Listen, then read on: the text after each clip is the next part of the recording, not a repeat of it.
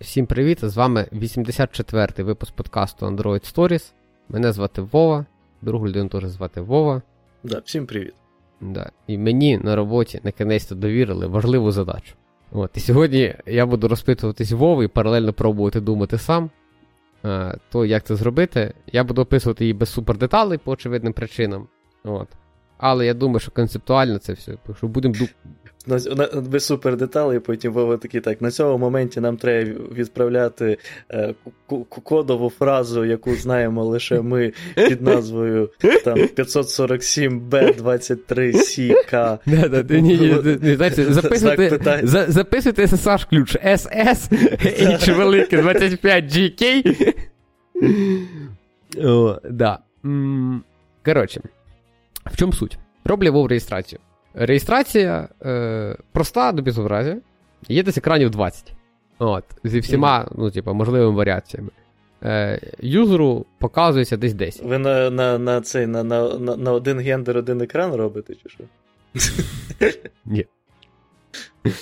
Ні, не так. Е, Коротше. Ну так, да, тоді було б динамічно, по суті. Да. Е, Давай я так вкратце введу. Коротше, з бека прилітає JSON велика, яка описує всі ці екрани. Це один запрос, а ти якби його качаєш, е, бек е, там знає якийсь твій стан, тобто, можливо, ти десь був попередній раз перервав реєстрацію, можливо, там ще яка херня сталася. Якщо там реєструєшся, там починаєш з якихось social media реєстрацій, то бек частину даних витягує з social media, а там не знаю, з. з чогось. Не не шартуй таке до нас закенселі. Це, було максимально тупа шутка. Я запікую на монтажі. Окей. Е, Коротше, е, типа бек з цих social медіа може якусь часть інфи дістати. І відповідно. Ну, як... коротше, є OAuth 2 через спеціалки, правильно? Да, да, да, да.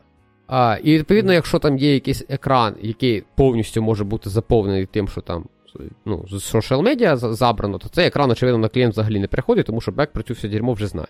От, А е... у вас е, да. е, звичайна реєстрація, де треба придумати логін пароль є. Е, Да, да. Е, Емейл пароль, mm-hmm. да. Е, не в всіх да, країнах, ну, але так, да, є. Mm-hmm. От, е, тобто там В деяких залеж... треба ще паспорт. Е, в, де... в деяких тільки по номеру телефону. No.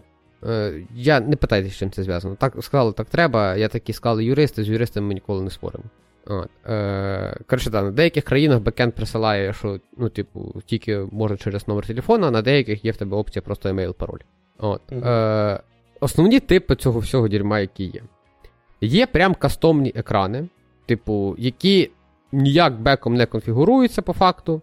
Там просто прилітає специфічний ключ, і ти на фронті, в тебе особо вибору нема, ти пишеш ключ такий-то і малюєш свій UI.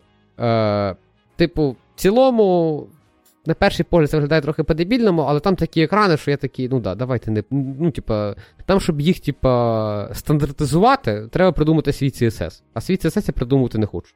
Чекай, тобі приходить ключ. Е, ти, е, Давай так, детальніше трохи, що ти маєш на увазі, під тим, що тобі приходить ключ, тобі його треба намалювати. Е, ключ ну, це... Ти приходиш, що треба юзер, там, не знаю, юзернейм, ну, ім'я, фамілію юзера, да? Ну, тобто, є, є типа, типа, екрани, які, наприклад, е, коротше, давай так придусь, типа, є типа, дефолтні якісь типи. Наприклад, Бек тобі присилає, покажи список опцій, е, відповідно, присилає типа, текст для цих опцій, присилає, яке питання поставити над цими опціями. І там тобі приходить ще два поля. Мінімальна кількість опцій, які ти можеш вибрати, і максимальна. І ти малюєш відносно mm-hmm. цього ресайкл, або там, ну, whatever. Коротше, малюєш колекцію, е, ставиш радіобатони, ставиш ті текста, які прийшли в колекції опцій від бекенда, ставиш питання вверх, там, яке там теж е, типа, стандартизоване. І от тобі там бек може там прислати 5 таких екранів. Тобто вони всі абсолютно однакові, просто з різним контентом. Mm-hmm. Понятна ідея, так? Да? От. Е, І це там називаємо типом, типа, Many Radio Options. Типу, от приходить такий тип, да? От. Е, mm-hmm. Може прийти тип, наприклад, слайдер. Це означає, що треба mm-hmm. відрисувати там кілька текстів, які в очевидних місцях знаходяться. Ну, типу, е, построїти юзеру слайдер. І цей слайдер, типу, так само бекенд присилає, типу, min value, max value е, і інтервали. Ну, і ти, типу, відносно, і який степ ти можеш робити. Е, Тобто, там, наприклад, там min value 0, max value там 100, е, степ 10. Е, там, Title такий-то е, слайдери, там, ну і типу цей же тип слайдер, наприклад, там бек може прислати, що це слайдер там з двома точками або там з трьома точками. Ти малюєш цей слайдер, малюєш ту кількість точок, які прислав бек, і там є, наприклад, общий формат rule ів, типу, е, яка. Мі... Слайдер з трьома точками це, це взагалі як?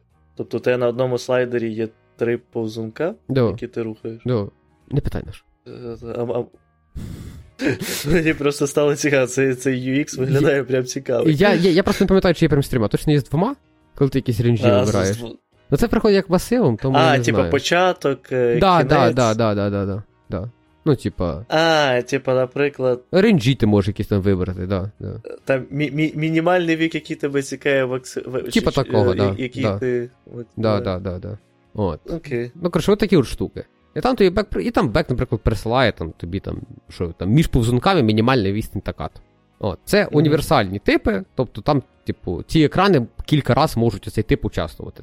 А а є, наприклад, екран, м, не знаю, там, е, якийсь такий екран, типу, там, екран там вибору гендера. І екран вибору гендера на фронті має демінну логіку. Тобто, відносно того, що ти на цьому екрані вибереш е, в перших селекціях, е, будуть запропоновані різні опції, або по дефолту вибрані інші різні опції, типу, на цьому ж самому екрані. Тобто, очевидно, це з бека ніяк не приходить. Це, типу, прям захардкоджено? Так, так, так. Тобто, ми договорили, що цей екран. Е, тому що нема смислу це робити універсально. Ну, типа, це, типа, один такий екран, типа, і ти просто, ми просто да, під нього підвели тип. Типу, що це ключ такий-то. Е, ну, типу, так набагато простіше, щоб ну, типу, думати універсальний, то під, під що не поміняється. Ну, типу, в нас для чого взагалі весь весь цей конструктор? Це для того, щоб команда продукту могла гратися з тим, типу, що краще конвертить. От. Uh-huh. А є екрани, які, ну, очевидно, що вони мають бути от такими. Ну, типу, давай так, можливо, це, типа, і поганий, типа. Боже, assumption, да? припущення, гіпотеза. Ти поняв, про що я. Uh-huh. От. Ну, Але uh-huh. давайте в гіршому випадку скажемо не на часі. Типа, на часі гратися з іншими речами, оптимізовувати інші речі. Можливо, це теж колись стане конструктором, і теж там все буде, типу, динамічно, красиво цей. На даному етапі набагато швидше, і цей це, ну, типа, if ключ такий-то, ми з беком домовили, що цей ключ такий-то, хоча він зараз із опечаткою, блядь, але вже кір з ним. Ну, е, давай так, щоб да. е, поки що, щоб я не не, не тірявся приходить, грубо кажучи, давай скажемо, масив, в яких кожен елемент це степ, в середині степа буде набір е, відповідно того, що в цей степ має входити. Тобто ці да. е, список опцій, слайдери і тому подібне, або в степі може бути просто там, типа. Е, дивись, один е... степ це або список опцій, або слайдер, або ще якась херня. Тобто степ, він все, типа, якщо ми не говоримо про ці кастомні, степ він все працює з одним типом даних. А степ має транслюватись в один екран. Так, да, степ це один екран. Угу. О, ну, типу... А в одному степі не може бути декілька слайдерів, декілька. Може, але це оці кастомні штуки. Тобто, це, типа, от, mm. ці от edge-кейси, їх там 2 чи 3, які ми просто бек присилає нам ключ, у нас є захаркоджені оці ключі. Ключ це безперечно як айдішник, просто стрінговий чистовно ключ називається. Не знаю, що так так, так mm. назвали, я такий, ну, ключ та ключ. А, ну, типу, воно юзається в аналітиці, ну, не суть. От, е, да, Тобто всі екрани, які оцей от бек, е, типа, бек-конфігурабельні, називаємо це так, е, сервер, сервер, сервер вони, типа, от там або слайдер, або слайдер з двома повзунками, або типа колекція, або колекція фотографій, або колекція текстів. Тобто це такі, от, типа, straightforward штуки. Там, де є оце, от, що типу, вверху слайдер, внизу, типа, радіобатони, а ще під ними підгрузка фотографії, то це, типа, ну, типа, кастомні штуки. Е, mm-hmm. Вертаємося до попереднього пункту, їх. Ну, типа, чи мог, чи могли ми типу, продумати конструктор? Могли. Типа, ще два тижні на research, типу, на продумування універсальних контрактів. Ну, а ти знаєш, як ахуєнно продумувати універсальні контракти, коли в тобі від бізнесу немає чітких вимог, куди вони це планують рухати. Uh-huh. А а бізнес зараз не знає, куди він це хоче рухати. Тому, if ключ ну, такий, то то оцей екран. Да, але вам з вашої сторони та нічого не мішає підігнати це все під е, один стиль. Е, Ну, тобто, ви ж степи якось у себе будете зберігати. а... Типа... Е, Мішає, мішає, скажу, що, тому що всі ці екрани, які приходять з бека, вони не мають домінної логіки. Тобто там все straightforward. Список опцій, Ну, я... скільки мінімально, Ну, скільки ти- максимально. Е, давай так, так, от тобі там, твоя там, там, логіка, там типу, дуже проста- там дуже проста доміна логіка, яка будується е, з JSON, який приходить з бек. Е, на екранах, які складні, це, наприклад, виглядає по-другому. Це е, вверху слайдер, да? і якщо значення слайдера менше 5, то внизу оцей список селекцій. Ну, оці, оцей список радіобатонів. Якщо там значення більше 5, то оцей список радіобатонів. Понімаєш, да, різницю? Ну, да, просто структура стає більш. е, Да, да, да. Тобто, і ми, типу, ну, договорились про те, що бек нам присилає список і перших опцій, і других під захардкодженими ключами просто в JSON, і ми на фронті самі без універсальної херні робимо правило, що якщо типа, value слайдера більше там, оцього поля JSON, то з JSON взяти оце і відрисувати. Якщо менше цього, то взяти оце і відрисувати. Тобто, чи можна було б. А чому е, з JSON? Я думав, вам приходить просто е, ну, для цих складних випадків, тобто, тобто ключ, типу, е, з назвою, ну, оцей степ от такий, який Ні, у вас ну, там типу, не настільки. Ні, записаний. ні, ні, не настільки, тому що, типу, ну, типу, тобі все одно треба переводи, тобі все одно треба. Це, ну, типу, це дуже багато прямо на фронт пихати. Тобто, я, я про те, що, типу, там нема, там, типу, бек не присилає домінну логіку, що з цим робити. Тобто, в теорії ми могли що зробити? Ми могли б сказати, добавте нам поле, там, яке б показувало б, що знак більше-менше, да? і ми б брали це поле як condition, типу, там придумали б якусь діаселіну, в якій би бек нам би Ну, да, описував. да. А типа... я от просто можеш описати, як це виглядає ось. Ось давай візьмемо виключно цей степ, де відійде по ключу, бо ти сказав, що ви з JSON берете все одно далі, якщо такий кейс, то таке, якщо такий Да, кейс, да. то таке. Ну, ти От приходить JSON, там ключ, слайдер two radio groups. Зараз назва, звісно, від Бога, але ти поняв. От. Мгм. Е, і в нього там оцей ключ. І ми знаємо, що типу, цей ключ ми дістаємо там значення слайдера. Е, Там приходить, опять же, що слайдер там від X до Y. От. Е, але. Тобто в цьому ж JSON буде окремо цей слайдер, да, да, да, буде. перший і, і другий, і, і у вас просто захардкоджений кондішн, по суті. Да, да, да, да. Ми хардкодимо Ну, що по цьому кондішену буде приходити. Е, уже... Да, ну, наприклад, давай так, давай так. У нас один слайдер, да, і якщо його значення менше якогось там х, то ми показуємо один список е, радіобатонів. Да? Якщо значення більше якогось х, більш рівно відповідно, то ми показуємо другий список радіобатонів. І називаємо ці раді... списки радіобатонів A і B. І нам в JSON прийде слайдер, його мінімальне значення, його максимальне значення. Е, прийде значення, це яке пограничне, да? і прийде прям поле, типа радіогруп A, і прийде поле радіогруп B. І ми на фронті, Мгм. через те, що ключ, от іменно от такий, як нам прислав бек, який ми захардходили, ми беремо, малюємо цей слайдер, витягуємо з JSON це пограничне значення і робимо логіку, що якщо менше такого то значення, то з JSON береться радіогруп A і перетворюється в UI. А якщо більше рівно, то береться радіогруп B і перетворюється в UI. Ну, коротше, єдине виходить, що не попадає е, в цей JSON, це саме якраз оці комплексні кондішени. Е, да, да. Це ну тому що ти, ти ж розумієш, це я типа зараз спростив. Ну, я що- розумію, там може бути, типу, да, якщо condition просто більше-менше, це херня, але Да. там condition може бути більше, юзер з, такі, з такої-то країни. Да, юзер, да, да. І е, там, типу, там починається, типу, а що цей юзер відповів на екрані номер 2 коли ти на п'ятому екрані. Угу, І відповідно, ну, типу, ми ж тут з тобою не, не любимо, да, типу, думати сильно наперед за бізнес. От, ми йдемо straight угу. Дефолтні е, екрани це я кажу, типу, тупо слайдер, тупо список радіобатонів. Е, список радіобатонів там може бути різний. Там є ну, там, коротше, текстові, медіа і ще там якихось два. Ну, не суть, ти, ти поняв ідею, да? Угу. Якогось дива радіобатон з емоджі, блядь, віддільно від тексту живе, але хір з ним. От. Е, Ну, тобто, е, окремо, типу, окремий тип. ну, для- окремий тип приходить, блядь, якщо там емоджі. Е, а чому? Ну, тому що, дивись, моя гіпотеза така, що цей самий API використовується адмінкою, і на адмінці під цей тип підв'язана валідація. Що ніякий дебіл туди не, не поставив текст. А і ребята на бекенді тримаються в базі, і їм було впадло перемапити на фронту, типу, в таке саме значення. Ага. Ну, це моя гіпотеза.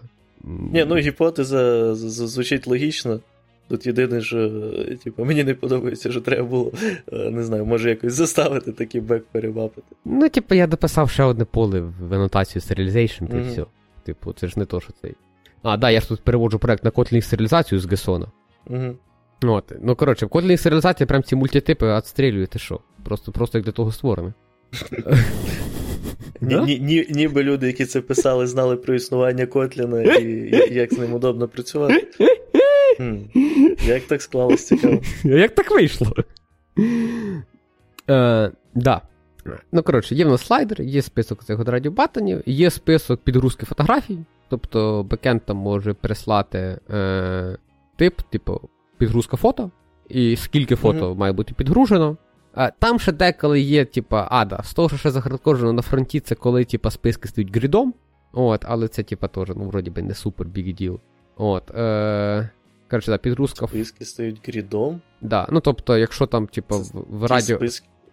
Е, наприклад, якщо прилітає Radio Button, і їх там більше чотирьох, по-моєму, або чотири і цей, то тоді треба в дві колонки.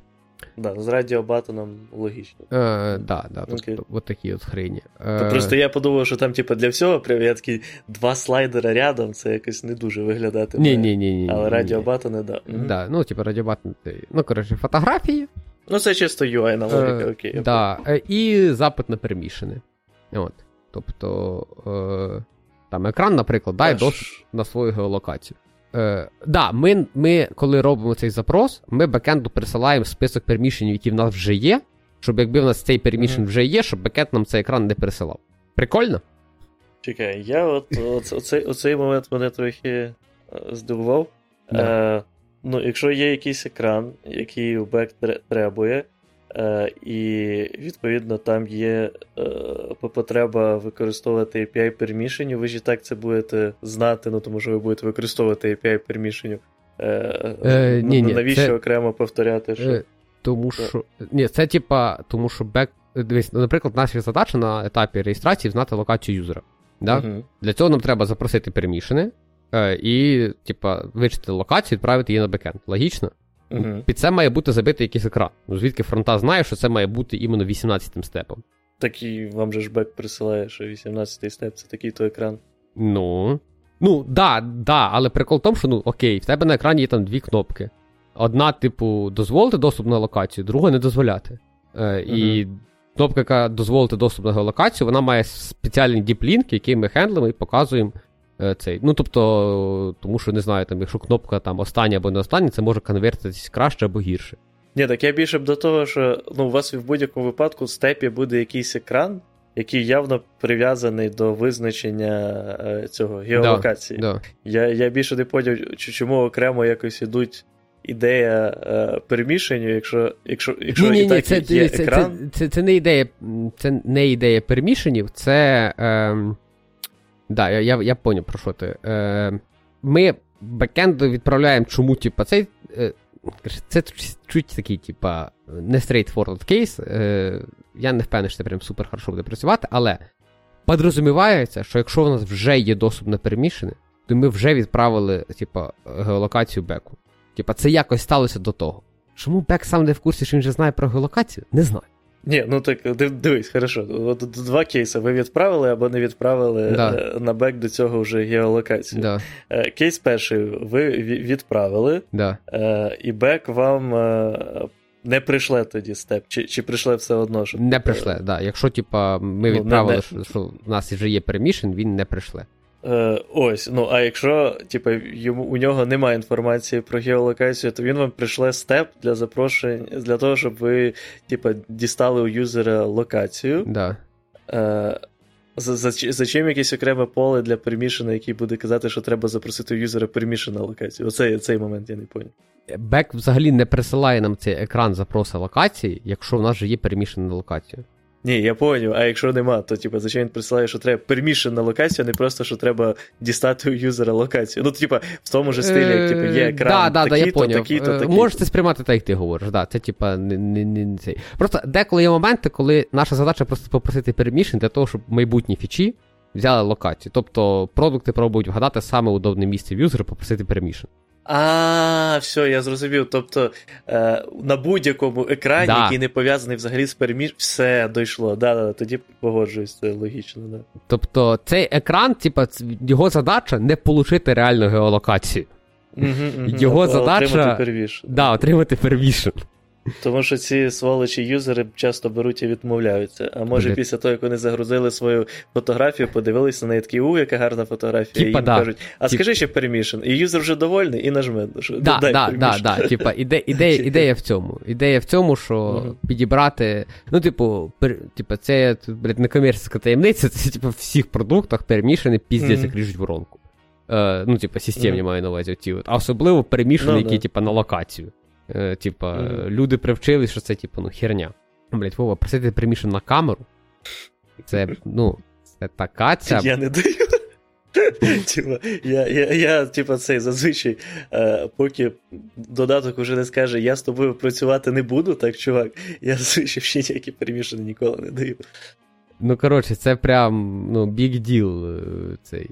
Тобто, да. Мені За- цікаво, а, а ось е, яка зараз взагалі оця конверсія людей, які такі нажимають. Типу, в мене ще не було жодного додатку, якому я е, нажав, е, типу, дозволити трекати мене. Е, ну, знаєш, це пловський е, ста- стандартний діаложик, коли відкриваєш перший додаток. Чи не вперше там його по можна запрошувати окремо. Е, мені цікаво, типу, який взагалі відсоток всіх юзерів iOS називає, нажимає, типу, дозволити. Дуже великий, я думаю. Ну, я, дивіться, я в більшості професійного софта сам заходжу, нажимаю галочку, типа, е, відправляти аналітику. Ні, ну це Правда, в мене пайхол вдома стоїть, але то вже таке. Е, це з професійним софтом це трохи інше. Просто коли Да. у тебе на телефоні, і типа е, там і так Apple пише: дивіться, Я думаю, е, 50%. цей додаток і так ніколи не дізнається. 50. Мгм. Ну, враховуючи, що е, роль кібербезпеки переоцінена, то напевно, да. Да, да. Ну, це непогано. Ну, коротше. Е. Що ми Окей, давай. Так, у нас є що? У нас є степи. В степах можуть бути або типа, список опцій, е, і до них е, обмеження. Да. Можуть бути там слайдери до них обмеження, Да. і можуть бути перемішані додатково, що в будь-якому цьому е, степі, і додатково може бути е, конкретні екрани, які будуть просто вказані ключом. Да. І підгрузка фотографій може бути. Це, це, це, це окремий екран, чи це теж просто це, ну, типу. Ні, ні, це з Коротше, універсальне. це, це, Тобто там може прийти екран, підгрузити дві фотки, а потім прийти екран, підгрузити ще три. А, ну так, да, скільки то, і саме фото. Окей. Да, там скільки саме. Е, що там ще? Там ще щось точно було. Ну, коротше, да. Е, а, ну і да, і в кожному степі є об'єкт транзакції, який описує правила, куди юзера далі з, з наві, перевести. Ну, тобто, наприклад, там як, типу, багато екранів мають транзакції є трьох типів. Е, саме проста це фініш, це означає закриваємо цю богодільню. Угу. Е, друга може бути це Simple, це коли просто вказаний ключ екрану, на який треба перевести. Тобто там в тебе екран перший називається X, і в нього просто Simple транзакція в Y. Це означає, що що б не відбулося на цьому екрані, наступний екран буде екран Y. От. І складніший тип транзакції це коли перелітає е, список, е, що прилітає мапа з е, рулами, і, відповідно, якщо ти маришся на це правило, то перевести на оцей от ключ. Угу. От. Е, да. е, це в нас є. Коротше, да, екран вверху складається з заголовка, який приходить там плюс-мінус. Ну, типа, він однаковий на всіх екранах, тобто на будь-який екран приходить тип заголовок, там, типа, то лі 5, то лі 6 полів. Е, там, типу, поля з розряду текст такий-то, subtitle такий-то, е, типа, alignment тексту такий-то. Е, що там ще? Е, Ну, UI. Ну, коротше, да, типа, там, типа, кілька property й, типа, Max Line такий-то, е, типа, і, ще- і ще там якихось пару хрені, типа. Е, Це е, STDU е, сервер трохи driven UI. Да, да, да, да, да, да, да. Це сервер трохи driven UI, да. Да. Ну, тобто, там, там не так, що там приходить тобі CSS, от, але там приходять, типа, alignment, е, letter spacing, ну, коротше, якась така херня приходить. Угу. Не знаю, letter, ні, letter spacing є, ще щось, коротше, щось крім alignment точно є. От, е, Да. І там нижня часть теж там плюс-мінус е, стандартизована. Там, типу, або вертикальна колекція кнопок, або горизонтальна колекція кнопок. І ось в цих кнопках е, або Deep Link куди-то, е, або транзакція. Типа, зроби транзакцію, типа, це всередині цієї фічі, оцю, на оцю от херню. Е, тобто Deep Link це ж, по суті, тоді ще ще один кейс транзакції. Е, е, да, да, Deep Link це ще один кейс. Ну там, типу, там не такі, типа. Це діплінки виключно цієї фічі. Забий, це ми зараз опустимо просто. Типу, це, це те, що нам не треба. Okay, я буду дуже довго. Ну, фічу писали три місяці. Я не можу зараз за годину, типу, ну, підбираючи е, слова ще. Бо ми пишемося в прямому ефірі, якщо ви не знали. Да. От, е, Ще підбираючи слова, ще типу, роздуплятись, тому е, на це це ми опустимо. Е, да. Коротше, от така от херня. Що в мене зараз є? Я зробив собі сінглтоновський репозиторій, який викачує, е, писав модельки і кешує, щоб люба херня могла типу, сходити і забрати інформацію, яка її цікавить. А що сінглтоновський? Ну, щоб люба херня могла сходити і забрати, ну, типу, вже з кеша. Ну, типу, перший, якби. Е, ну, ну, тут можна в цілому сінглтонський, враховуючи, що реєстрація одна на е, додаток. Е, ну, не суть. коротше. Можна прив'язати до скопу. Ну, да, ну, да, коротше, Є, типу, типу, ну, син, синглтон, ні, ні, що ж я буду говорити, синглтон, це синглтон на рівні модуля. Ну, типу, на рівні коін модуля. Угу. От. А, да, коротше, зробив я собі. Ну, це, по суті, все одно синглтон. Да, да. Зробив я собі, типу, домінний, домінний клас, який оце от бере, е, перемаплюється все в зручній домінній хрені. Що таке для мене домінна хрень? Це все, що прийшло з бека, ну, всі ці важливі для мене поля. От. І, е, наприклад, там прилітає тобі слайдбар, да, в слайдбар, слайдбара є дефолтне положення його. Тобто мін такий-то, макс такий-то, дефолт такий-то. От. Е, І, значить, домен це все те саме, але ще й то, що може поміняти юзер. Тобто, я там можу там value якийсь да, для слайдбара в домінній моделі, і по дефолту сечу його в дефолт якийсь бек прилетів. От. Е, Я з цього діла будую мапу, в якій є е, ключ екрану, ну і домінна, домінний об'єкт екрану. От. Е, Це все викидаю через view модель в root всієї фічі. Е, Кожній далі. А, да. І тут от якраз такий перший момент, який мені не подобається. Я в root викидаю таку дуже спрощену модель. Це, типа, мапа, там ID-шник екрана і його тип. Оцей, типу, який. Тобто я завів enum типів. А, І відносно цього enum я в Venom е, викликаю різні compose функції, яким же я передаю ID-шник. Вони вже відносно цього ID-шника створюють view моделі. Ну, і, типу, відповідно, це специфічні view моделі під оцей тип вже. От. І всі вони ходять в одну, в один instance фічі, е, типу, в один instance фічі реєстрації. Е, з домена вигрібають по своєму ж ID-шнику, якби, свою сущність, і далі з нею працюють. От на такому це зараз етапі. От, Відповідно, е, я під кожен цей тип нахерачив свій маленький домінний клас, який вміє, типу, модифікувати цю херню. Е, Оцей репозиторій, що я казав, він виконує ще функцію сториджа. Тобто, в мене, наприклад, є там слайд, слайдер ViewModel, е, є просто об'єкт, типу slider domain. Е, Цей об'єкт slider domain, він має метод, типу update slider value, приймає в себе Ну, е, в конструкторі він приймає Page ID, е, і в нього є е, функція Update Slider Value. Він якби йде в цей общий сторож всього ці дерьма, по своєму Page ID забирає свій домінний об'єкт, робить такий самий домінний об'єкт, але вже з новим Slider Value, і пихає в storage, типу робить update page, update screen в сториджі е, з новим, типу, значенням слайдера. Ну і коли це треба відправити на backend, я якби. Тому що на backend відправляти там Неважно. Я знаю, коли треба на backend. На на, на, на бек треба відправляти кожен step, чи е, тільки кінцевий результат? Е, Є, коротше. В... Коротше, от Петер казав, що там масив кнопок приходить. Угу. От в кнопки є property. Типа, чи відправити на backend. І якщо нажати на кнопку, якої це property true, то треба взяти всі дані, які юзер типу, зробив на цьому екрані, і відправити на бекенд. Угу. Ось така от ідея. Не вдається, чому чому іменно так. Так треба. Там реально є причини. А, да, І коли, типу, от в мене прилітає що нажати на кнопку оцю, я йду в storage, по Page ID, дістаю херню, роблю з неї дата response, request і фігачуся в бекенд.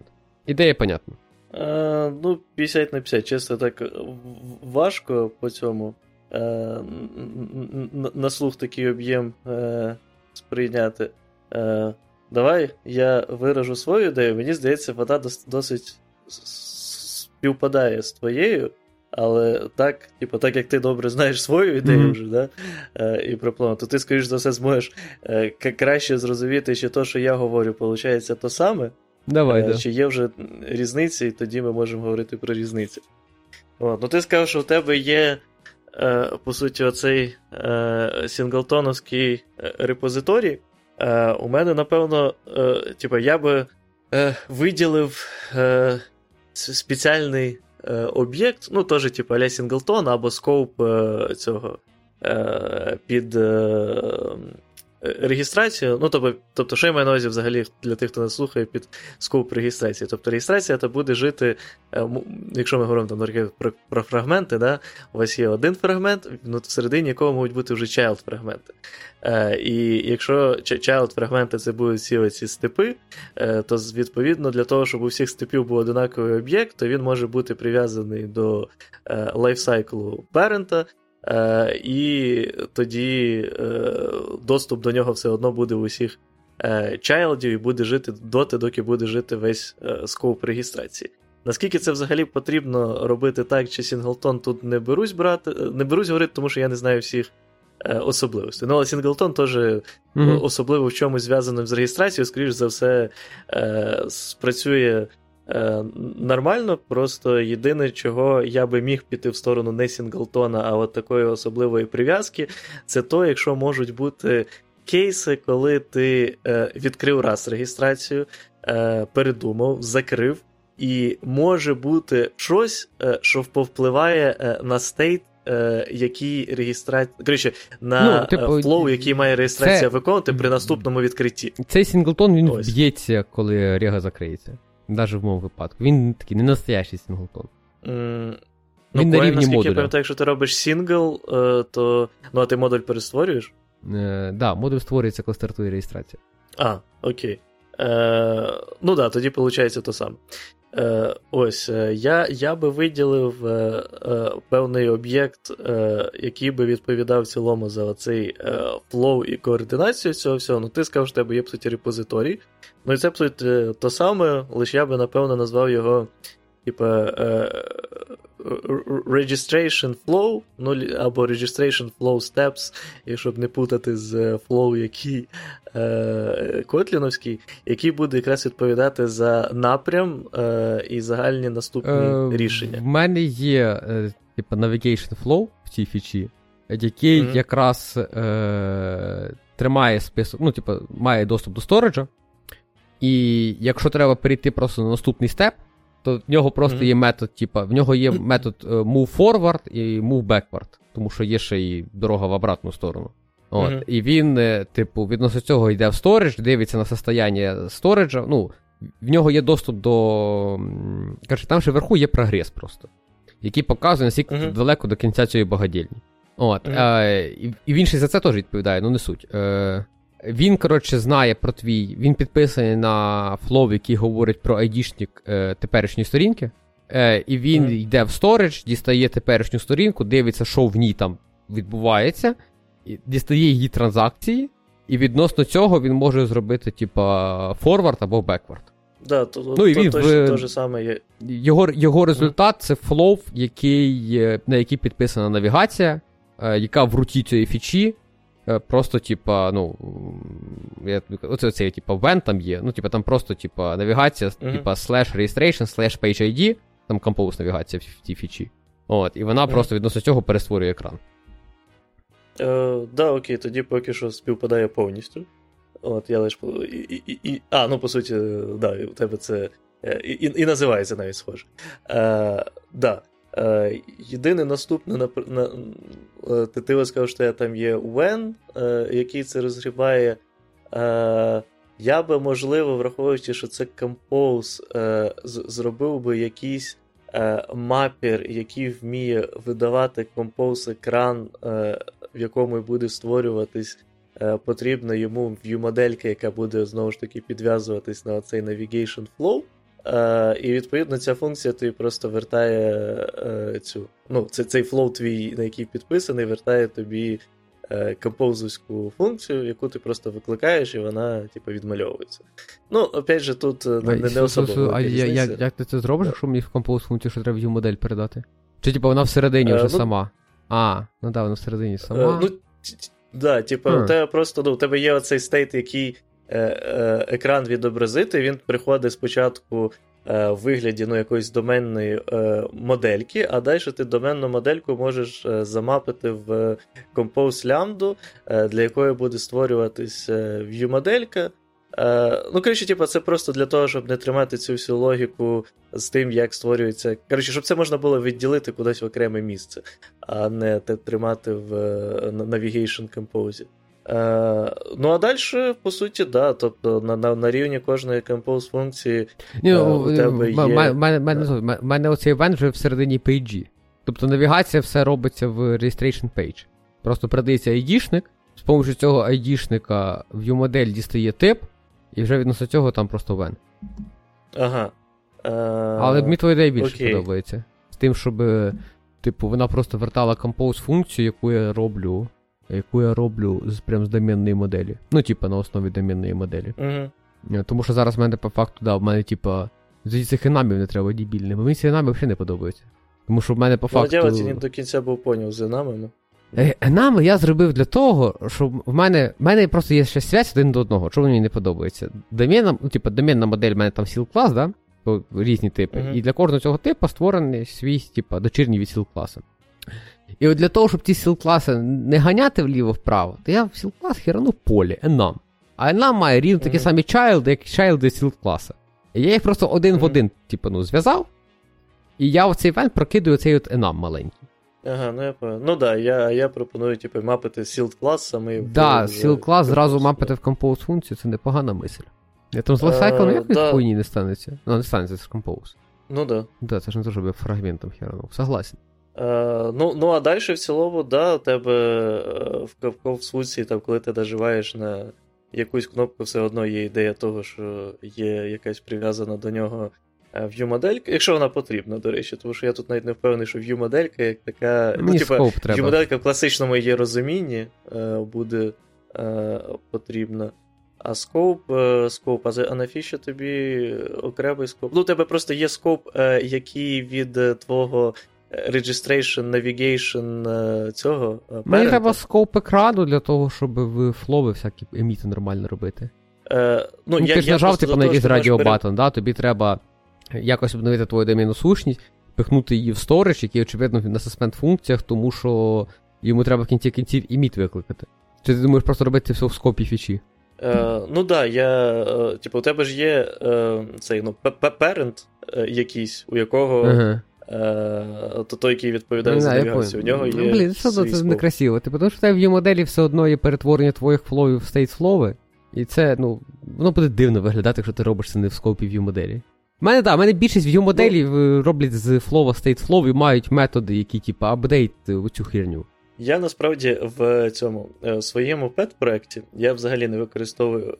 Ну, я використовую view моделі, коли мені вони потрібні, але не гугловські view моделі. А свої view моделі, е, ну, типу, яка просто не прив'язана.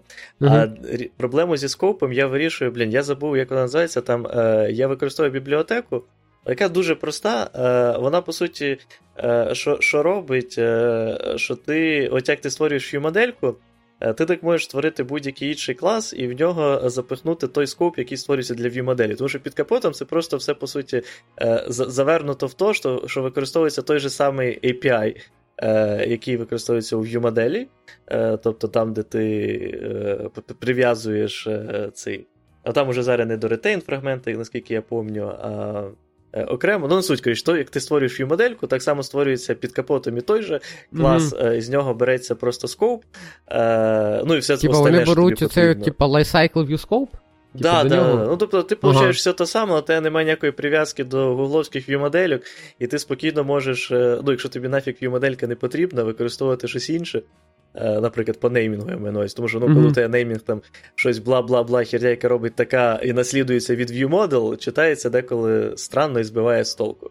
А так, якщо ти. Е, а на якому е, рівні типу, ти перекидаєш з flow в state flow? Чи ти просто всюди state flow тримаєш? Е, з якому рівні я з flow перекидую state flow? А, Ну, у тебе на реп... на рівні репозиторія state flow? Ні, ні? обичний flow. Ну, фіг мені там як... state flow, якщо я чекаю від інтернету. Він мені зверне типу, конфігурацію. Мені там нал тримати, ну це в мене якось суть тіряється. Ні, так чекай, ти ти от робиш запит на рівні репозиторію, yeah. ти його отримав, е, ти його віддаєш. Ну тобі ж його треба якось тримати. Е, Я його. Ти мене, так, мене репозиторій дає доступ людям тільки до flow а, ну, типа іншим uh-huh. consumer ам. Я коли створюється репозиторій, я йду в інтернет. Чи коли перший підписався, не пам'ятаю, ну не суть. Я йду в інтернет, е, вигрібаю і пихаю в flow. Це дозволяє всім іншим підписатися до того, як в мене реально є результати, і просто чекати. Е, Ну, просто в кінці, Типа, ти, тобто... тоді в кожному місці далі, де треба state flow, все одно його. Ну, типу, на, я на, тільки, на рівні... тільки, коли ті, тільки коли UI вже, типу, коли UI це треба, я вже я на рівні view моделей переводжу з flow в state Mm. Ну, Понимаєш ідею, да? Да, да, да. Медаль з двох сторін, тому що Типа, з, з, з одної сторони, ти можеш зробити типа, state flow на рівні репозиторію, але тоді там mm. треба буде якийсь е, е дефолт цей, тримати. Е, да. ну, дефолтний, да. Е, і тоді у тебе проблема з тим, що в усіх твоїх mapping ах і так далі, що треба цей дефолт обминати. Так, а що тобі а... це поможе? Ти в кінці кінців все одно десь, ну, типа, ти зробив це все state flow м, хорошо, але да, тобі десь там десь на рівні mapping у треба все одно поставити якийсь фільтр not null або фільтр not default. Да, да, ну я цікаво, що треба момент, писати. Цей момент це стає обичним flow м, який тобі потім з нього опять робити flow. І для цього для чого тобі Ні, ну, все одно треба буде scope. А, ну да, бо воно любий оператор, map и, да. воно все одно буде flow. Да, да, да, любий оператор. Це, це ж, ну, типа, я думаю, що це колись допадалися насправді, тому що є оператори, після яких очевидно, ну, типа, значення буде, хоча, не знаю, може не так обходять ситуацію, що там хтось exception викине. Да, вони так, напевно, обходять ситуацію з exception ами. Типа, якщо у тебе буде exception, а внизу handling цього exception а, то ти в теорії реально можеш втратити дані. Ну тут ще, до, до речі, ти просто сказав, що де створювати stateflow, що типу у тебе є моделька для створення stateflow. Ну якщо для е, створення цього stateflow потрібна якась додаткова логіка, то я погоджуюсь з цією моделькою. Але якщо цей stateflow Типу, ну, я маплю в UI моделі, приходить... ще в view моделі, ще в view моделі. Тобто я получаю view моделі домені сущності і маплю їх в UI. Mm, Ну так, ну, да, в моєму в моєму варіанті те ж саме. Да, то, скоріш за все, там будуть потрібні view модельки да. для ну, типу, як мінімум там цього Просто, типу, там не не кожна пейджа потребує UI-моделі. Я поки що вагаюся між ситуацією, типу, підвести все під одну грібенку і ситуацію робити тільки там, де це треба, поки що це тільки там, де треба. От. Е- Ну і, типу, коротше, не знаю. Я там поки що модель так, UI-модель там такий підвіш, в підвішеному стані в моєму теперішньому рішенні. Ну, але там, наприклад, знаєш, типу, не знаю, там от в тебе є, типа, селекція, да, типу, там, раді- радіогрупа. І от, е, понятно, що в домені моделі в тебе нема таке, що в кожної радіоопції є, типа, із селекти. Там в тебе просто є, типу, масив айдішників, що вибрано. Ну, щоб було з ним зручно працювати mm-hmm. з точки зору. Бо зручно перевіряти, типа, і кількість, і які, і кондішени, ну, коротше, цей. Але понятно, що на UI я просто віддаю кожне поле, типу, чи, ну, типу, в кожну опції, типу, чи і selected, чи ні. І от там, типу, такі от мелкі штуки. І я, знаєш, я також так такі дивлюся, такі, ну, типу, я от ради цього їх завів, точно. От, Так що там от, от UI-моделі в мене в такому підвішеному стані поки. Угу. Е, Ну, да, коротше, в будь-якому випадку можна це да, все назвати е, view-моделями різними, тому що вони ще, ще будуть мати вза- взаємодію з цим. Е, з репозиторієм в плані того, щоб віддати дані, е, зробити якийсь запит і тому подібне. Ну да, плюс да, вони там, типу, це, типу, вони прокидують всю цю херню при натисканні кнопок. Я б їх там лишав. Ну, ну коротше, і і коли view-моделька вже да, отримує Е, стан сексеса, тобто всі валідації пройдені, стейт зроблений, все, що треба, там відправлено, то да, view-моделька просто далі визиває у е, цього. Е, на Navigation Flow, коротше, нашого реєстраційного, е, відкривай наступний. Ну, у мене це все от, в домен більше провалюється. У мене під кожен екран є окремий клас домена, який там займається валідаціями і викликами всіх інших його. Ні, ні, понятно, да, що це буде да, да, да. типу, окрема валідація на кожну цю, де вона потрібна. Угу. Е... У мене питання тут є. Да. Тобто, у мене в сторожі, понятно, що условно, условний flow, в якому map а, в якому key і тип, який описує екран. І в мене в кожній view моделі бляха-муха cast ування. Тобто я в view моделі. Що ще Е, cast. У тебе в кожній view моделі що? Каст. Переведення типів. Я я, я, я понял, просто я перший раз не почув а. слово cast, я тепер просто задумався. Е, Так, ну у тебе. М... Понимаєш, що, да? Так, ну, так. типу, тому що view модель приймає Page ID, е, підписується на цей Page ID, і далі треба зробити з домінної моделі UI-модель, условно, або там просто зробити е, якісь операції з домінною моделлю. І там оце, от, типа, результат, ас, оця от херня. І я розумію, що ну, ну ніколи не шибане, тому що ізначально в руті я відносно цих самих типів і передавав ці Page ID. Ну, тобто, і там, типу, все буде окей. Тобто я в правильній Compose функції передав правильні Page ID, які зробили правильні view моделі. І там, ну, типу, воно точно зійдеться. Але мене парить ця от херня, що воно точно ну, типа, полагання на це точно зійдеться, мені не подобається. От, І тому я от думаю, як як би це обійти вміняємо. Е, Ну, я поки що єдине, що е, я би, напевно, ці касти робив теж е, на на, на, на рівні мапера. Е, Тобто, в плані того, що ти коли от мапиш е, свій домейн е, в якусь UI, ну, в, в, в якийсь уже Composable, Ну, да? хорошо, е, да, типу, ти... зроблять да. це на рівні, на рівні типу, мапер. А от є в мене, не знаю, прилітає від view, каже, значення слайдера юзер подвигав, да? Це залітає mm-hmm. в якийсь, типу, там, слайдер, типу, в об'єкт, який використовує view модель для валідації значення слайдера. Ну і очевидно, що цей от об'єкт. Е, чекай секунду, а у тебе от оцей давай окремий екран, окремий step, де у тебе є тут слайдер, ти його поміняв. Оці дані, що ти поміняв, е, ти його закидуєш аж на рівень цього свого оригінального репозиторія, який живе весь час. Чи ти збираєш цей state на рівні, в тебе є під цей step окремий репозиторій? Ні, ні, ні. У мене е, там який... є тільки виключно оцей типу, слайдер updater, условно його назвемо, і він обновляє оцей от общий стейт.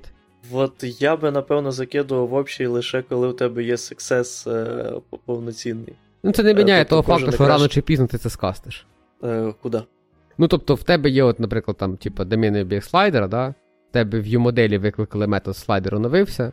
Це викликало mm-hmm. слайдер апдейт, слайдер на такий-то Page ID оновився, або там цей Page ID. Ні, так я ж, я, я ж кажу, що у мене е, було би е, ситуація з тим, що е, оці всі оновлення слайдера ніяк не впливають на оцю твою е, велику модель, поки ти не нажмеш е, ш, типа, ну, хорошо, Next. Ти, там, ти, да? ти, ти, ти нажав, типа, Next. І в цей момент, ну, типу, uh-huh. ти йдеш в storage, дістаєш домінну модель, щоб на неї заплавити зміни, правильно?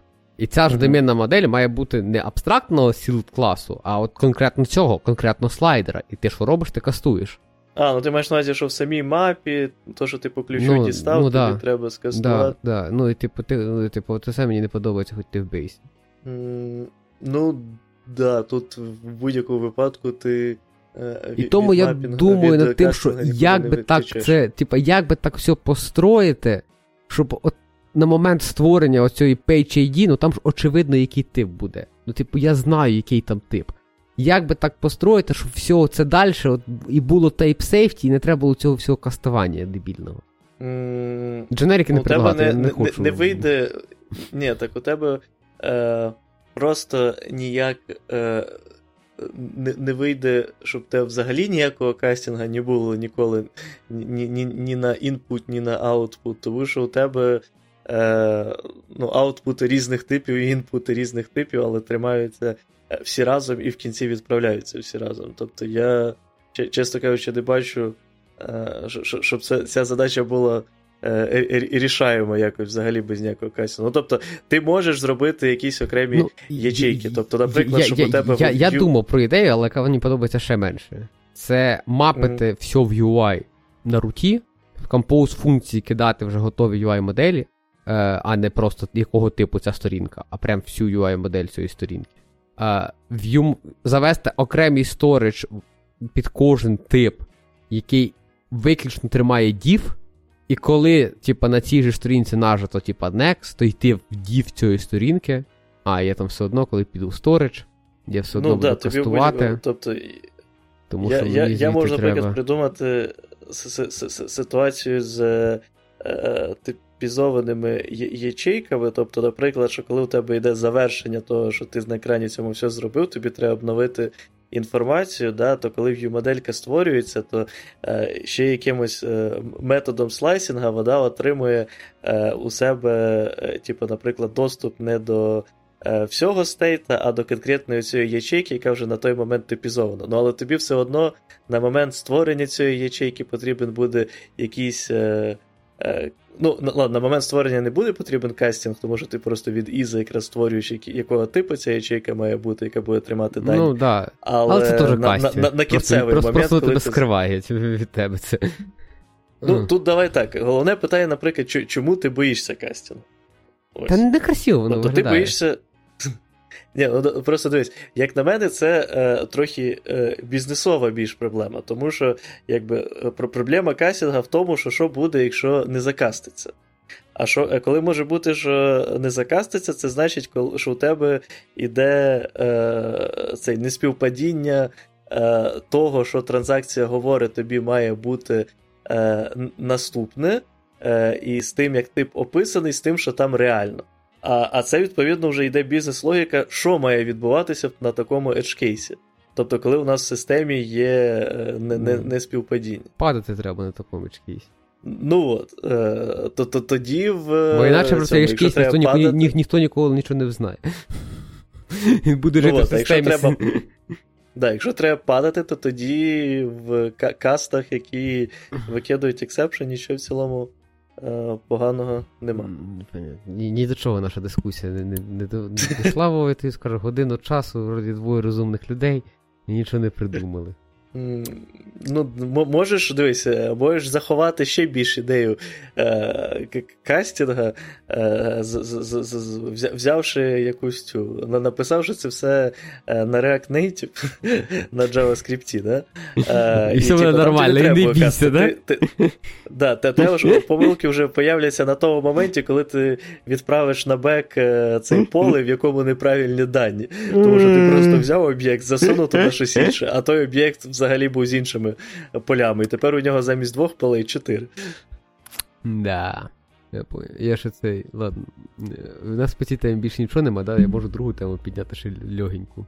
Давай. Я тут е, почав. А, чекай, я ще добавлю. Да, якщо, якщо у когось є е, ці геніальні ідеї, е, як тут зробити краще, то пишіть нам в чатик, ми з задоволенням да, вислухаємо. Да. Ну, якщо ідея дерьмо, то якби ну, ви знаєте, да? ми скажемо, що вона. Ні, ми, ми, всі, ми всіх вас любимо. Е, я це десь... Ні, ну я скажу толерантно, Вова скаже напряму. Скоріше за все. Це, це, це, як ми обговорювали, придеться терпіти, це не, не легше звільнити, да? Е, а, да, да.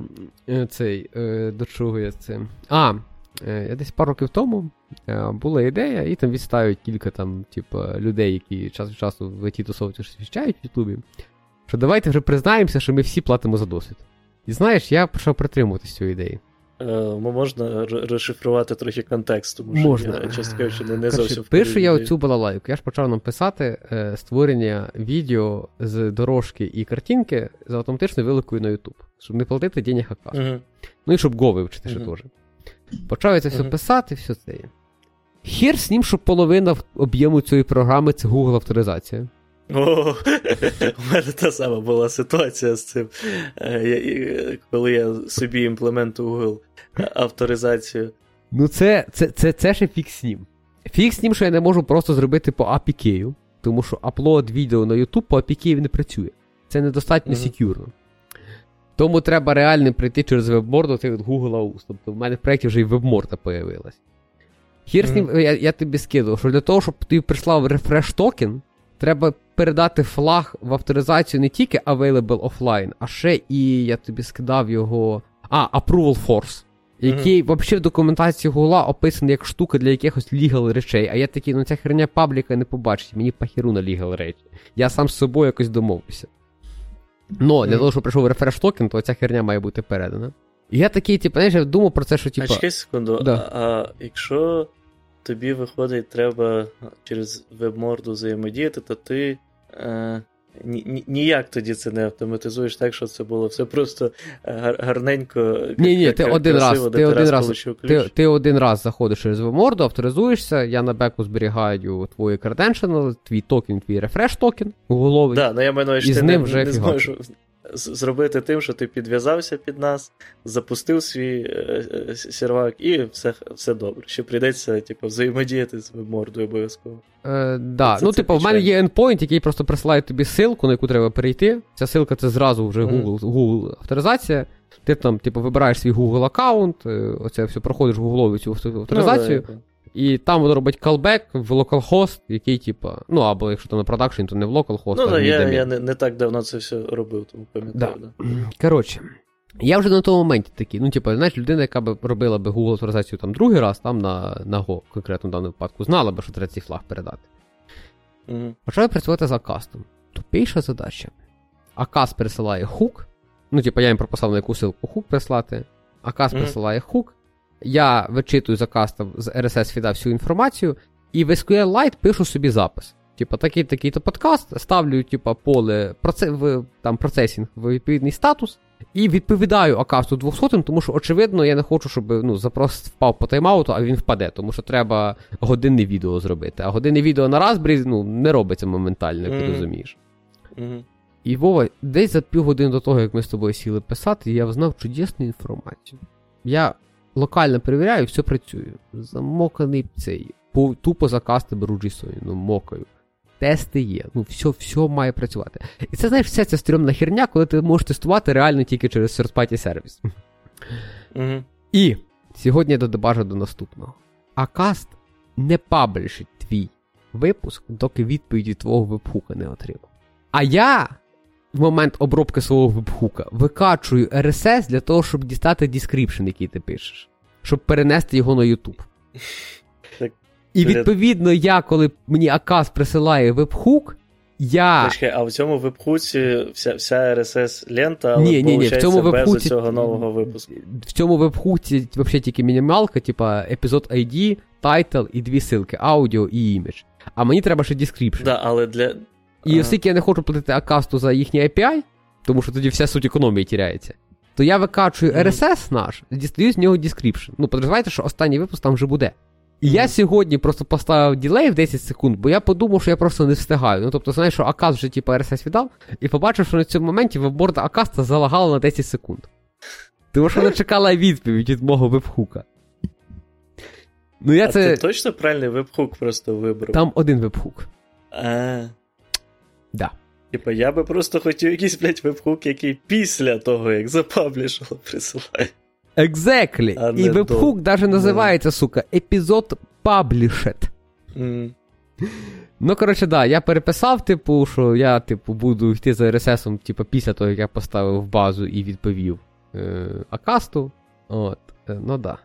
Я такий, ну да, платим за досвід. Ну, типу, тому що, ну, Чисто через те, що ти давно в цьому дерьмі, ти вже знаєш такі ситуації. Ти вже пробуєш якийсь делей, відносно з того, з цього щось виходиш, щось пробуєш. Ну, коротше, це типу. Ну, ну типу... тебе ділей, я догадую, що так і залишився, просто тепер він після того, як ти відповів. Я я ще не додебажив. Він точно згенерував новий. А. Я ще не додебажив, ти, ти мені якраз написав, я такий, боже мій вже шоста.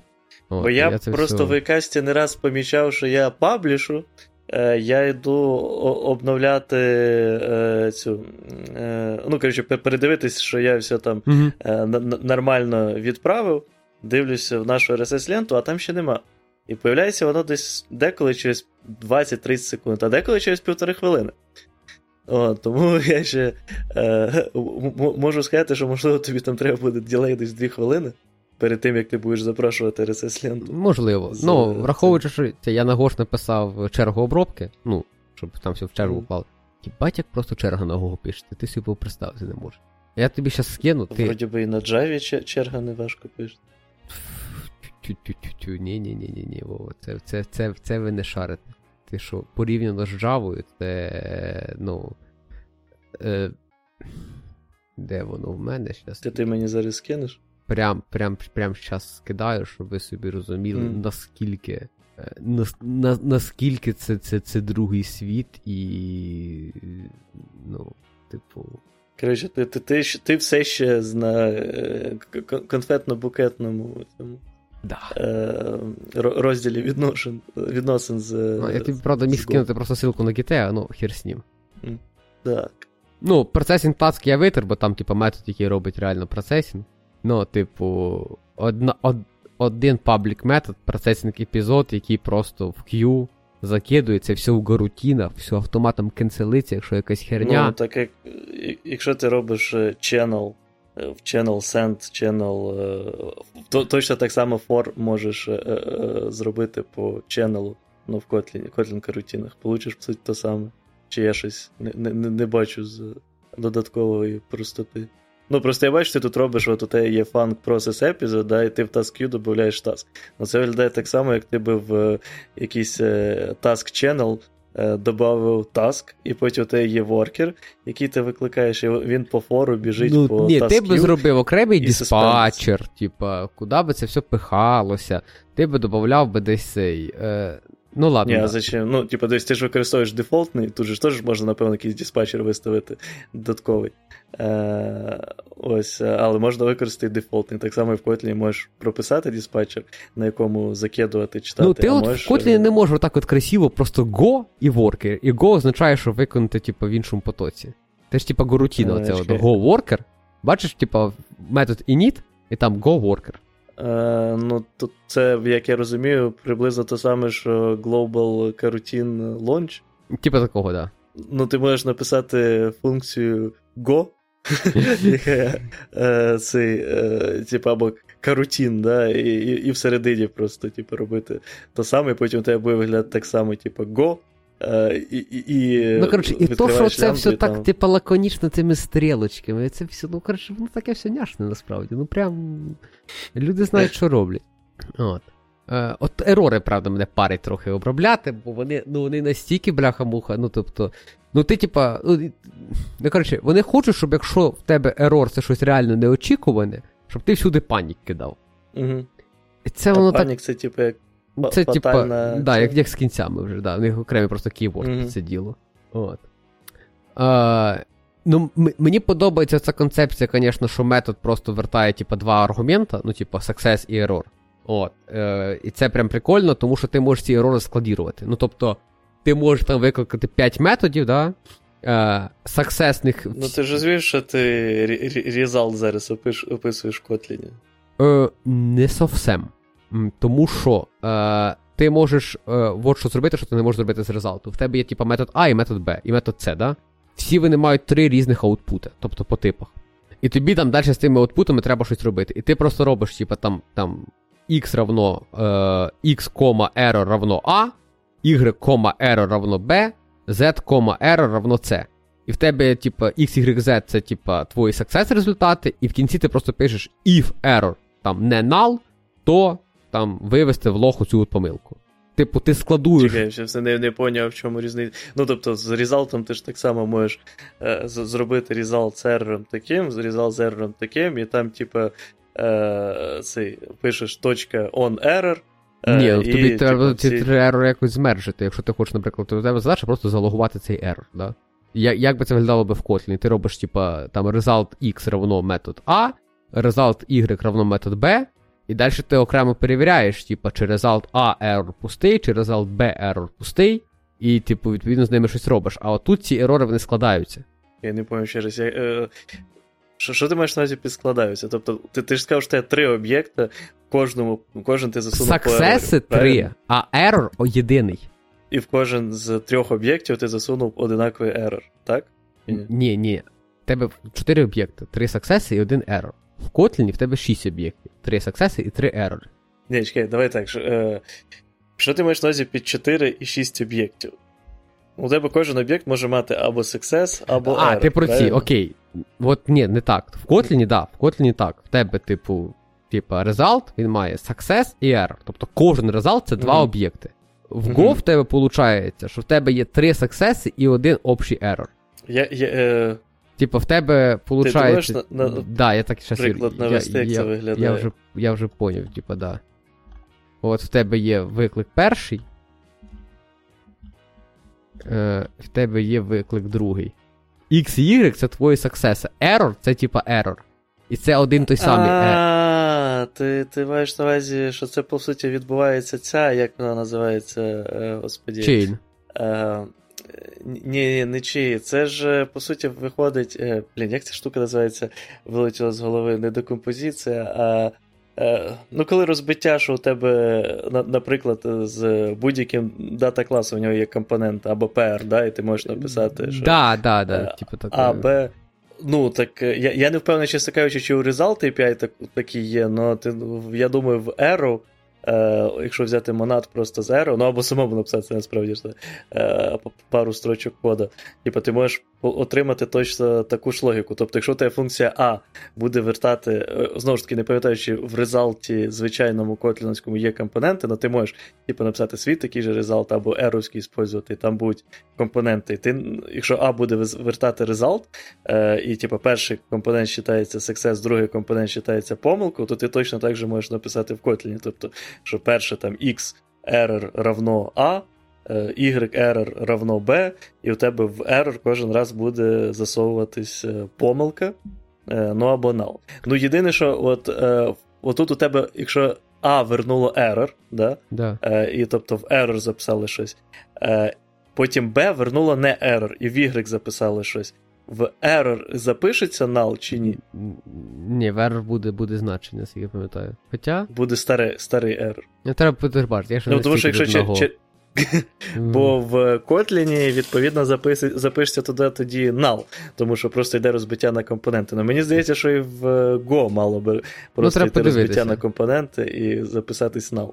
Ну, коротше, ну, типа, розумієш, ну, типа, все всюди можна накрутити. На Java з ламбоком теж можна писати. Ні, я просто про те, що в Котліні це досить легко виглядає. Да, У Котліна просто головна проблема це те, що він задуже дохіра всього. Да, І за цього в нього задуже дохіра. Ну якщо ти пишеш на Котліні в більш такому функціональному підході е, і з повним використанням ну, Kotlin, тут, то по суті. Вся я... оця херня, типу, написана, жодного класу нема. Я кстати, не впевнений, що в Go вони взагалі є. Класи? Да. Е...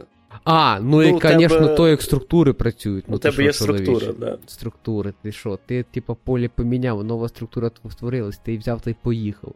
Е, то, що, звісно, в структуру можна, бляха-муха, не всю заповнити, трошки так підбільшує. От, але а, то... Це і... ніяк не можна обмежити? Я ще не дійшов. Типа, щоб... Не, не, не, не, не, не, Ну, коротше. Ну, от то, як ти їх створиш, коли ти в метод треба якусь структуру, і ти просто назва структури, фігурні скопочки, ти там чик-чик, зручно все собі написав. Ну, воно воно так. Тобі треба якесь поле обновити, ти типа, взяв її, типа. Все створилося, все все імутабельне, ти не думаєш про якусь хіротень з боку. Ну, типу, ну, коротше, це, звісно. Так, відсутність, то, то, то, що от Kotlin відсутні такі структури, це. Ні, ну в Kotlin ти можеш, типа, копі сумно. робити, це, типа, теж не біг факін діл. Так, але тут але... у тебе іде автоматична автоматизація всього цього, ну і у тебе саме основне інша меморі модель від цього виходить. Да. Kotlin, відповідно, не може це зробити, тому що він на на, на JVM дивиться, а в JVM оця. Ну, може, вони з K2 щось попробують яка... завести. Я не читав, що там K2 вміє. Ну, я сумніваюся, що якось я сильно кардинальне, тому що треба розуміти, що їхній Ні, основний продукт в JVM крутиться, і не швидко почне крутитися там не в JVM. Там є ще в JVM, блін, я от теж вже, правда, 100 років не читав, по-моєму, просто JVM теж планує в Project Valhalla чи як вона там називає? Та вроді Valhalla. Valhalla то, то, то передругий був. То Щось нове. Project. Чекай. Java. Project. Вона мені не підказує, ладно, я напишу. Valhalla.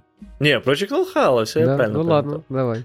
Е, да, це це ж якраз е, типу, фігня, яка е, робить всі оці нові фічі, і ось у них якраз е, value type, е, які вони пробують зробити. Так, value type Там, це не про то, value type це про обгор, це як inline класи в Kotlin, чи це вже не так? Ні, value type якраз наскільки я Ну, я давно не читав, чесно кажучи, їхні пропозиції. Е, Це вже декілька років, напевно, тому, можливо, можу путати, але наскільки я пам'ятаю, то value type там е, ішли по принципу того, як це працює в Swift, наприклад. Ну, або так, як ти описав в е, цьому. Ну, в Swift теж такий підхід структурами, правильно? Е, що, що ще раз? В Swift теж такий підхід структурами, що там все копіюється все. Е, ну так, да, структури працюють по and. Угу. Е, Тому, да, типу, якщо ти е, створив якусь копію, е, взяв її якось е, змінив, то в новому місці ти отримаєш нову копію, а, в, старому у тебе буде старий, стара структура. Mm, я, типу, що тут почав гуглити, мені здається, що value класи це то, що то, що, то, що ти говориш. Що, типу, integer це буде value клас над інтом. Ні, ну от я відкрив тут е, ш, на Вікіпедії, правда, що е, value types highly efficient small objects without inheritance. Е, ага. що, типу, наскільки я розумію, це все ж ідея в тому, що ну, типу, зараз. Ні, small object without, це якраз типу, то, що типу, ти зможеш, типу, типу, якщо в тебе є якийсь специфічний, не, не знаю, типу, там AID, да, то ти можеш не не лонги всюди передавати, а передавати AID, але це типа лонг. Ні, це ти кажеш про value, які value object, які є в Kotlin. А так це і в Java вони зараз джавовські... Там яких там 35 е, Java вони вже є. І там же ж ти навіть, типу, там є compatibility Kotlin з Java, ти можеш там анотацію херанути. Е, цей. В Kotlin називається inline, а в Java value. Е, по-моєму, в Java ще до сих пір цього нема, як мінімум в цій Java, яка вже вийшла з підтримкою. І наскільки я розумію, це ж value type ну, мається на увазі, потім у Java ж зараз як? У Java є 99.9% е, всього це типа референс тайпи. Е, тобто value type у них тільки примітиви, е, які теж можуть бокситись, анбокситись в референси, коли потрібно.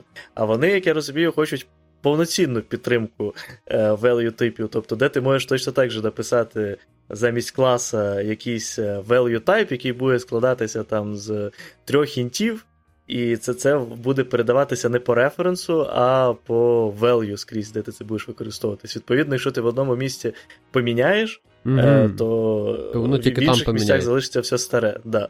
Ну, тому що ти получиш копію замість того, щоб. Ну, окей, окей. Ну, але коли це буде, це вже інше.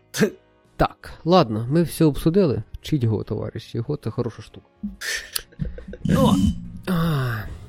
Ти до до дженериків воду, йди спочатку, а тоді будеш казати. Так там же ж є дженерики, чи я щось туплю. Е, та вже є, да, але, по-моєму, там вони теж проблематичні. Просто я я, я да, зло, єдине, що пам'ятаю, нормально, да, це вони дуже довго до дженериків йшли, я пам'ятаю. Ну, типа, знаєш, да, ну просто 10 років. Фльор такий, ну, типу, воно видно, що що, що, ну, що писано людьми з продакшена, а не людьми з університету. Понимаєш, ну, про що я? Можливо. Воно, ну, типу, не то, щоб я це міг якось так фігурально виразити, але воно видно, що пацани в гуглі кожен день херачать продакшн код. Можливо, да, з крейсерською швидкістю гугла, і в них знаєш, були ресурси, типу, не розпилятись на ці GVM, оце все. У них були ресурси такі, ну, ми самі собі в бінар скомпілимося. Типу, поїхали. Ну, тобто, очевидно, що в Гугла є ресурси написати, типу, повністю stdlib, типу, і якщо тобі його хватає Гуглу, то воно і всім іншим вже теж хватить. Амазону може не вистачить. Або Microsoft. Ну, тому вони його і не юзають. Ну, хоча Microsoft вже як до свого дотнета пише свій stdlib. Ну да. В Гугла, бач, хватає і на Dart, і на Go, і на. І, і ще на закривання інших проєктів хватає. Кстати, я а тебе можу привітати. Е, Вроді би, наш канал переїхав успішно. У нас же ж був домен Android Stories. Пам'ятаєш такий? А, ну да, да. На який я був зробив емейл YouTube собака Android Stories. Ну, типу, .dev. На який був зареганий mm-hmm. наш YouTube аккаунт. А Google mm-hmm. пару місяців тому закрив свою доменну реєстрацію. Знаєш, де був зареганий домен? На гуглі. Не. Вроді воно все якби переїхало, не знаю, якщо ми прийдемо канал, заведемо новий, я не знаю. Ну, типа. Я перечитав кілька мануалів Гугла, дивився відоси якихось індусів на Ютубі, вроді все переїхало правильно. Вроді сьогодні той день, коли воно мало або поламатися, або працювати далі. Ну, скоро дізнаємось. Угу. Все. А з крутих речей по Java, до речі, ще лише що це стадія, що я бачив, це те, що в Java, нарешті, як я зрозумів, вже в е, релізній версії е, є доступні віртуальні треди. Тому можемо привітати Джавістів. Да, Тепер карутіни їм уже не так потрібні. Ну, це віртуальні трейди, це ж типа така сама концепція, як оце горутіни, карутіни, оця вся, типа, рутинна херня. Чи це не зовсім так? Да, ні, ні, ні, воно воно так. Ну, по крайній мірі, з того, що я почитав, то саме так воно і працює. Єдине, що от в Java вони це все підсобачили під API тих же трейдів. Тобто у тебе немає ніякої різниці в використанні API між тредами і віртуальними тредами. Виглядають вони абсолютно однаково.